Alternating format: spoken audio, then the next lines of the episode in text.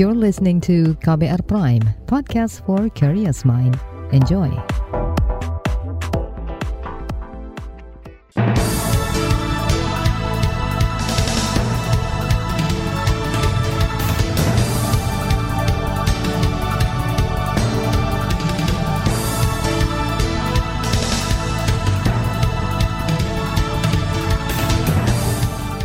Selamat pagi saudara, senang sekali kami bisa menjumpai Anda melalui program Buletin Pagi, edisi Rabu 6 Juli 2022 bersama saya Roni Sitanggang. Sejumlah informasi pilihan telah kami siapkan di antaranya, cegah penyelewengan lembaga pengumpul dana sosial perlu ditertibkan. Menteri Perdagangan jamin minyak goreng Rp14.000 tersalurkan merata. Belasan ABK kapal motor setia makmur belum ditemukan. Inilah buletin pagi selengkapnya. Terbaru di buletin pagi. Saudara Lembaga Pengumpul Dana Aksi Cepat Tanggap ACT tengah dicorot atas dugaan penyelewengan anggaran. Organisasi kemanusiaan itu disinyalir menggunakan dana umat untuk kepentingan sejumlah petinggi lembaga. Dugaan itu terkuat dalam laporan investigasi majalah Tempo pekan lalu. Pusat Pelaporan dan Analisis Transaksi Keuangan PPATK juga menyebut ada indikasi transaksi keuangan yang terkait aktivitas terorisme. Belakangan ACT membantah semua tuduhan itu. Kementerian Sosial menyatakan bakal memeriksa lembaga pelaksana pengumpulan uang dan barang yang diduga melanggar. Sekjen Kemensos Hari Hikmat mengatakan kementeriannya berwenang memberi izin penyelenggaraan pengumpulan uang dan barang serta memeriksa jika ada masalah dalam prosesnya. Kata dia, Inspektorat Jenderal Kemensos juga bisa membekukan sementara izin lembaga yang diduga menyeleweng. Hari mengatakan penertiban bisa dilakukan oleh Kemensos jika lembaga pengumpul dana meresahkan dan menimbulkan masalah di masyarakat, menyimpang serta melanggar izin. Jika terbukti melanggar dan tidak sesuai izin, lembaga-lembaga pengumpul dana umat bisa dikenai sanksi administratif hingga pidana. Anggota Komisi Bidang Sosial dan Agama di DPR Maman Imanul Haq menilai dugaan penyelewengan dana amal ACT seperti membuka fenomena gunung es. Kata dia masih ada lembaga-lembaga mengatasnamakan kemanusiaan namun praktiknya menyimpang terlalu menguras dana daripada donasi yang memang ingin berbuat kebaikan yang kemudian dana itu akan digunakan bukan untuk uh, tujuan awal misalnya bencana atau mengurus kelompok-kelompok marginal termasuk anak yatim piatu tapi digunakan untuk menumpuk kekayaan, melakukan gaya hidup hedonisme para pengelolanya. Anggota Komisi Bidang Sosial dan Agama di DPR Maman Imanul Haq menyebut harus ada tindakan tegas dari negara dan aparat hukum. Jika lembaga tersebut melanggar harus dicabut izinnya. Kemudian juga harus ada pengawasan yang super ketat termasuk transparansi dan akuntabilitas pengelolaan keuangan. Kata dia, komisinya akan memanggil Kemensos dan Kementerian Agama untuk mencari solusi atas masalah ini. Maman juga membuka peluang mengusulkan undang-undang terkait pengumpulan dana amal, sehingga praktik lembaga sejenis bisa diawasi lebih ketat. Sementara itu, Majelis Ulama Indonesia MUI mendorong pemerintah menertibkan lembaga-lembaga pengumpul dana umat. Ketua Komisi Informasi dan Komunikasi MUI Mabrur MS mengatakan, pemerintah perlu mengaudit lembaga tersebut agar dana bantuan bisa dipertanggungjawabkan dan tak diselewengkan. Uh, mestinya negara harus hadir sejak awal, tidak tidak hanya di ujung ketika ada kasus. Lembaga charity seperti ACT ini kan sebenarnya ber, mendapatkan izin resmi itu dari Kemensos. Dia mendapatkan izin dari uh, pengumpulan undang undang-undang kalau dasar hukumnya itu Undang-Undang Nomor 9 Tahun 61 yaitu pengumpulan uang dan barang. Artinya apa? Sebenarnya negara sudah memberikan rambu-rambu. Cuma perlu disempurnakan. Ketua Infokom MUI Mabrur MS menambahkan pemerintah juga harus melindungi masyarakat melalui payung hukum pengumpulan dana bantuan. Regulasi itu harus mengatur pihak pengawas dan penegakan hukum jika terjadi penyelewengan. Sementara itu Ormas Islam Muhammadiyah mendorong pemerintah membentuk badan keuangan tersendiri yang bertugas mengawasi lembaga filantropi pengumpul dana umat, sehingga dana yang dikumpulkan lembaga-lembaga tersebut disalurkan sesuai peruntukannya.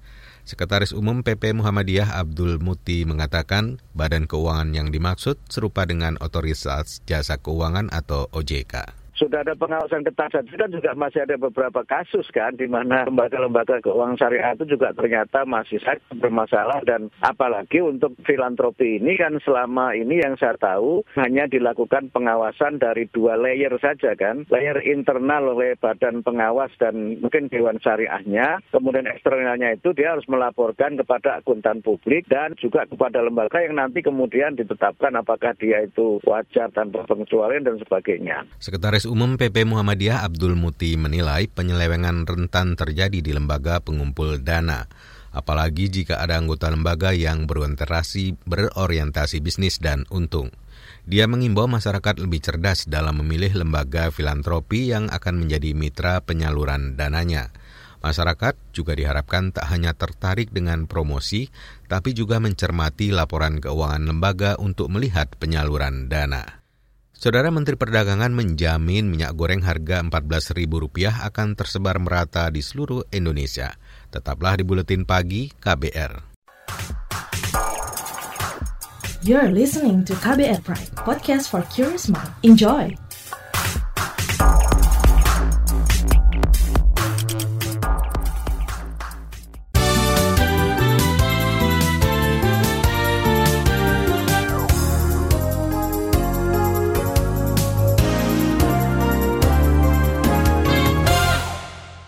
Anda sedang mendengarkan buletin pagi KBR.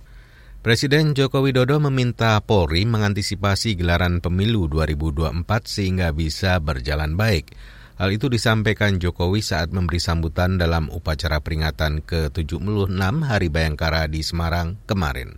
Agenda besar demokrasi, pileg, pilpres, dan pilkada serentak tahun 2024 harus diantisipasi dengan baik berikan dukungan Kamtipmas secara maksimal agar pesta demokrasi ini bisa berjalan dengan baik.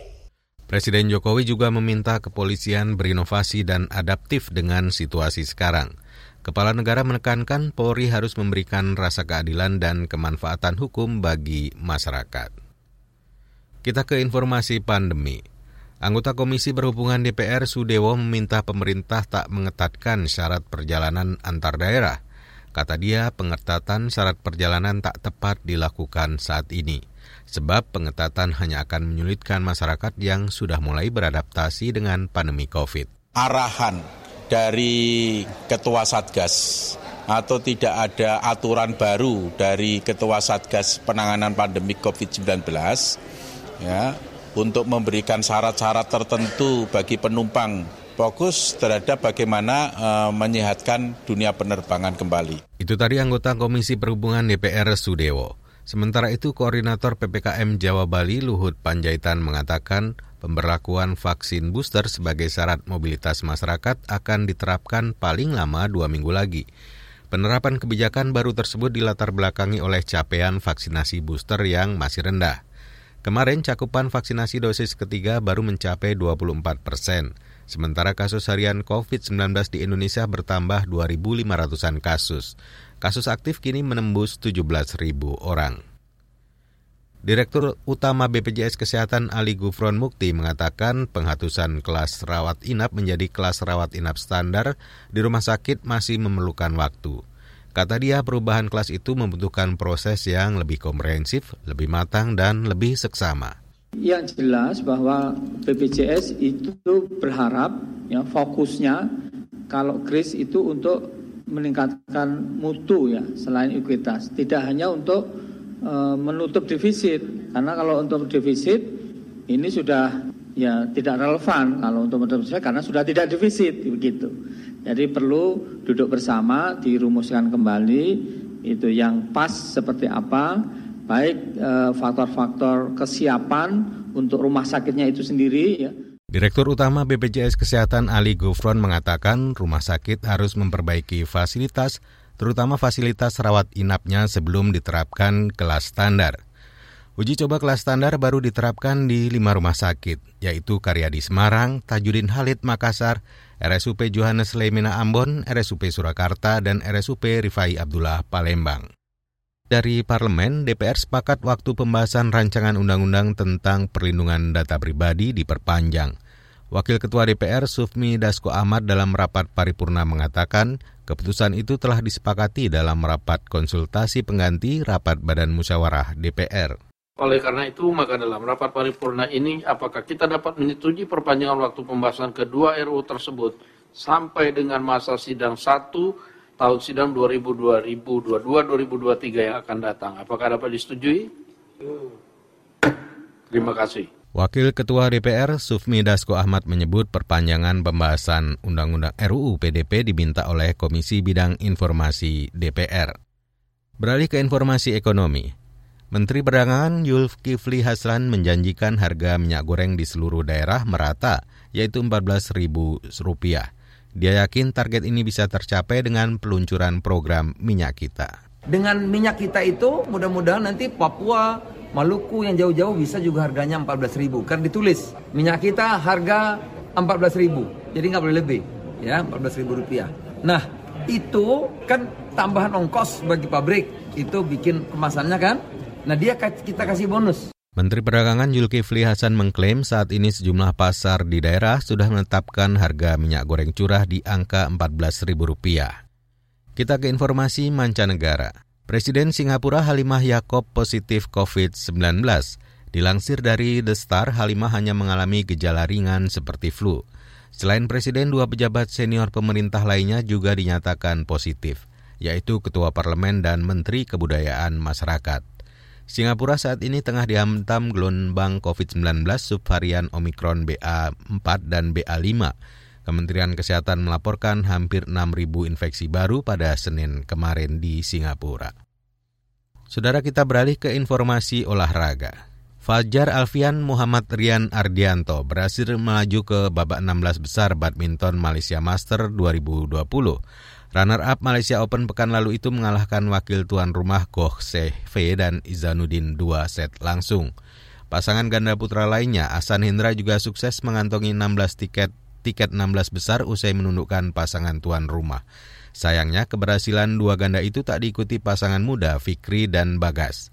Mereka takluk usai bermain tiga set melawan pasangan Malaysia Goh Sem Lau Juan. Hari ini sejumlah atlet Indonesia akan bermain di babak 32 besar, mulai dari Anthony Ginting, Apriani, Siti Fadia, hingga Gregoria Mariska Tanjung. Saudara di bagian berikutnya kami hadirkan laporan khas KBR bertajuk Upaya Meningkatkan Citra Baik Kepolisian. Nantikan sesaat lagi. You're listening to KBR Pride, podcast for curious mind. Enjoy!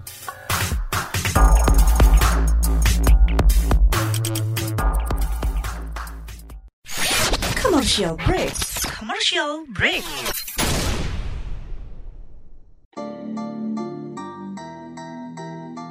Come on yo.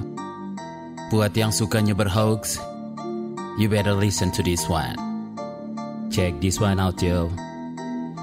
Hati-hati kalau baca kabar Hoax. Jangan langsung disebar kabar yang Hoax. Kalau mau tahu kabar benar atau Hoax. Dengerin cek fakta yang pasti bukan Hoax. Dengerinnya setiap Senin yang jelas bukan Hoax. Cuma ada di kbrprime.id dan aplikasi podcast lainnya. Hoax. Sudah cukup-cukup hoaxnya? Hoax. Cukup. Jaga emosi, tahan jari, verifikasi sebelum dibagi. Saya Ari Bowo Sasmito, Ketua Komite Pemeriksa Fakta Mafindo. KBR Prime, podcast for curious mind.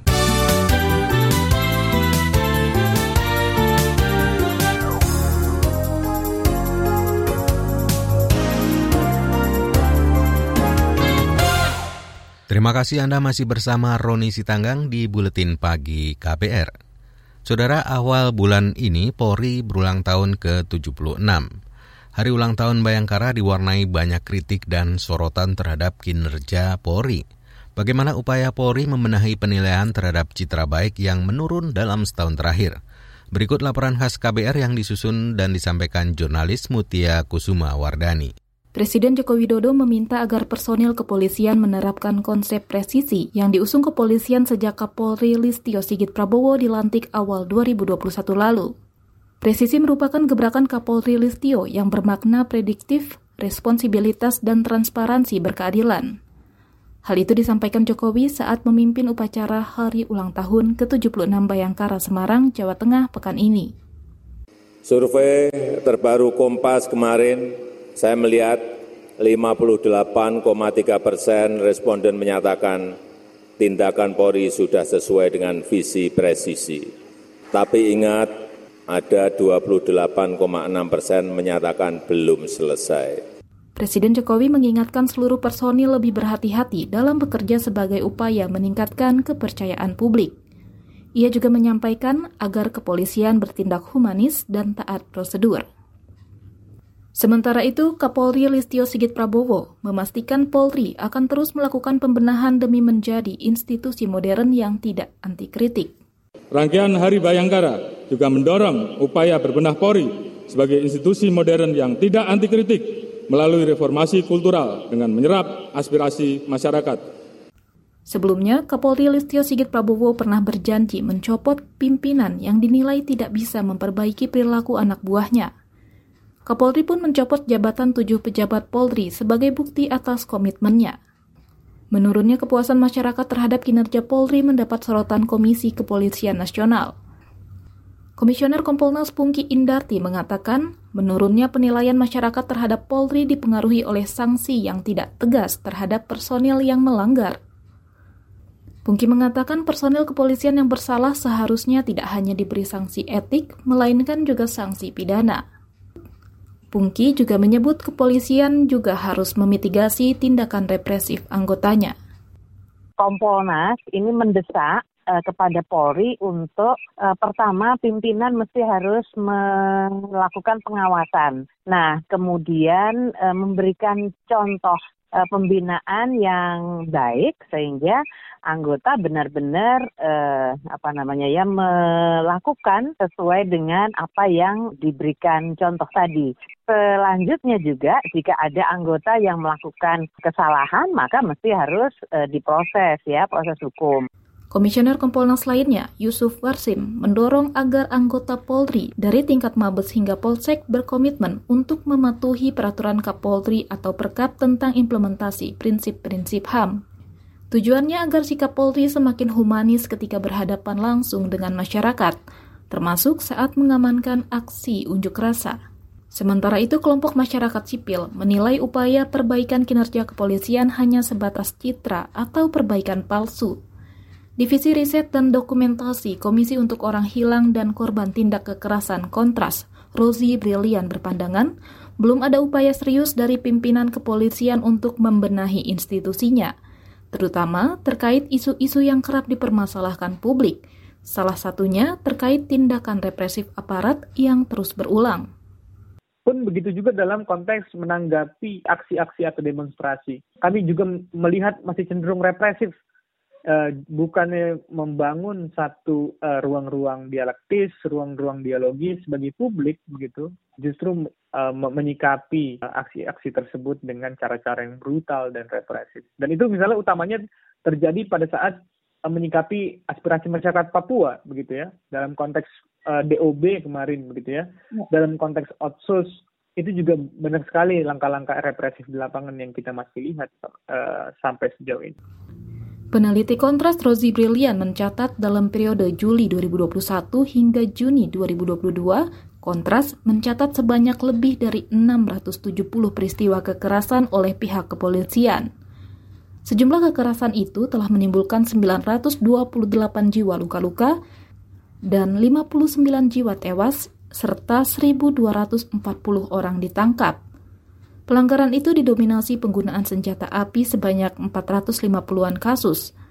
Menurut Rozi, itu disebabkan oleh penggunaan kekuatan yang cenderung berlebihan dan tak terukur, hingga ruang penggunaan diskresi yang terlalu luas oleh aparat.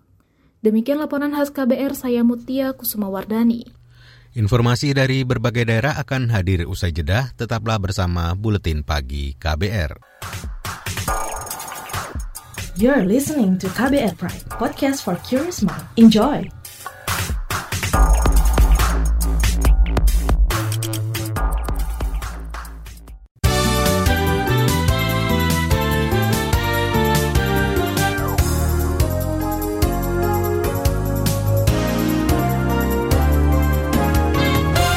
Inilah bagian akhir buletin pagi KBR. Menjelang Idul Adha, hampir seribu ekor sapi dari Nusa Tenggara Barat dikirim ke sejumlah daerah di Jawa. Kepala Pelabuhan Tanjung Wangi Benyamin Ginting mengatakan sapi-sapi itu telah diperiksa dan dipastikan sehat. Pengiriman sapi dari NTB sudah berlangsung sejak tiga pekan lalu.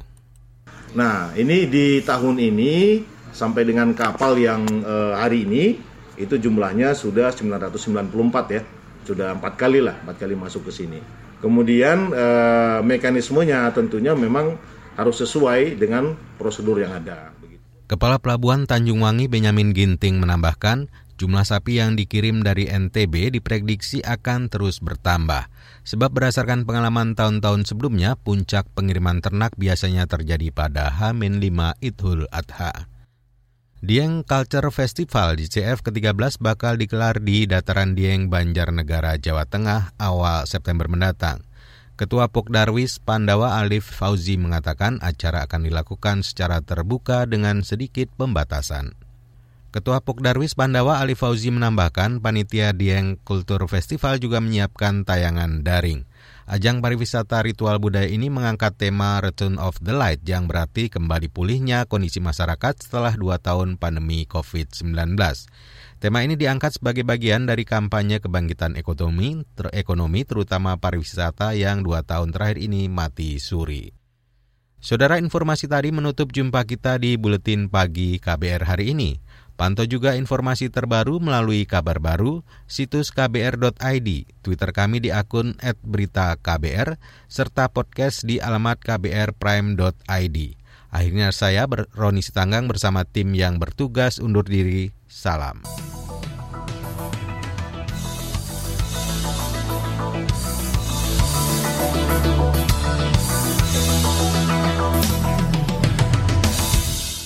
KBR Prime, cara asik mendengar berita. KBR Prime, podcast for curious mind.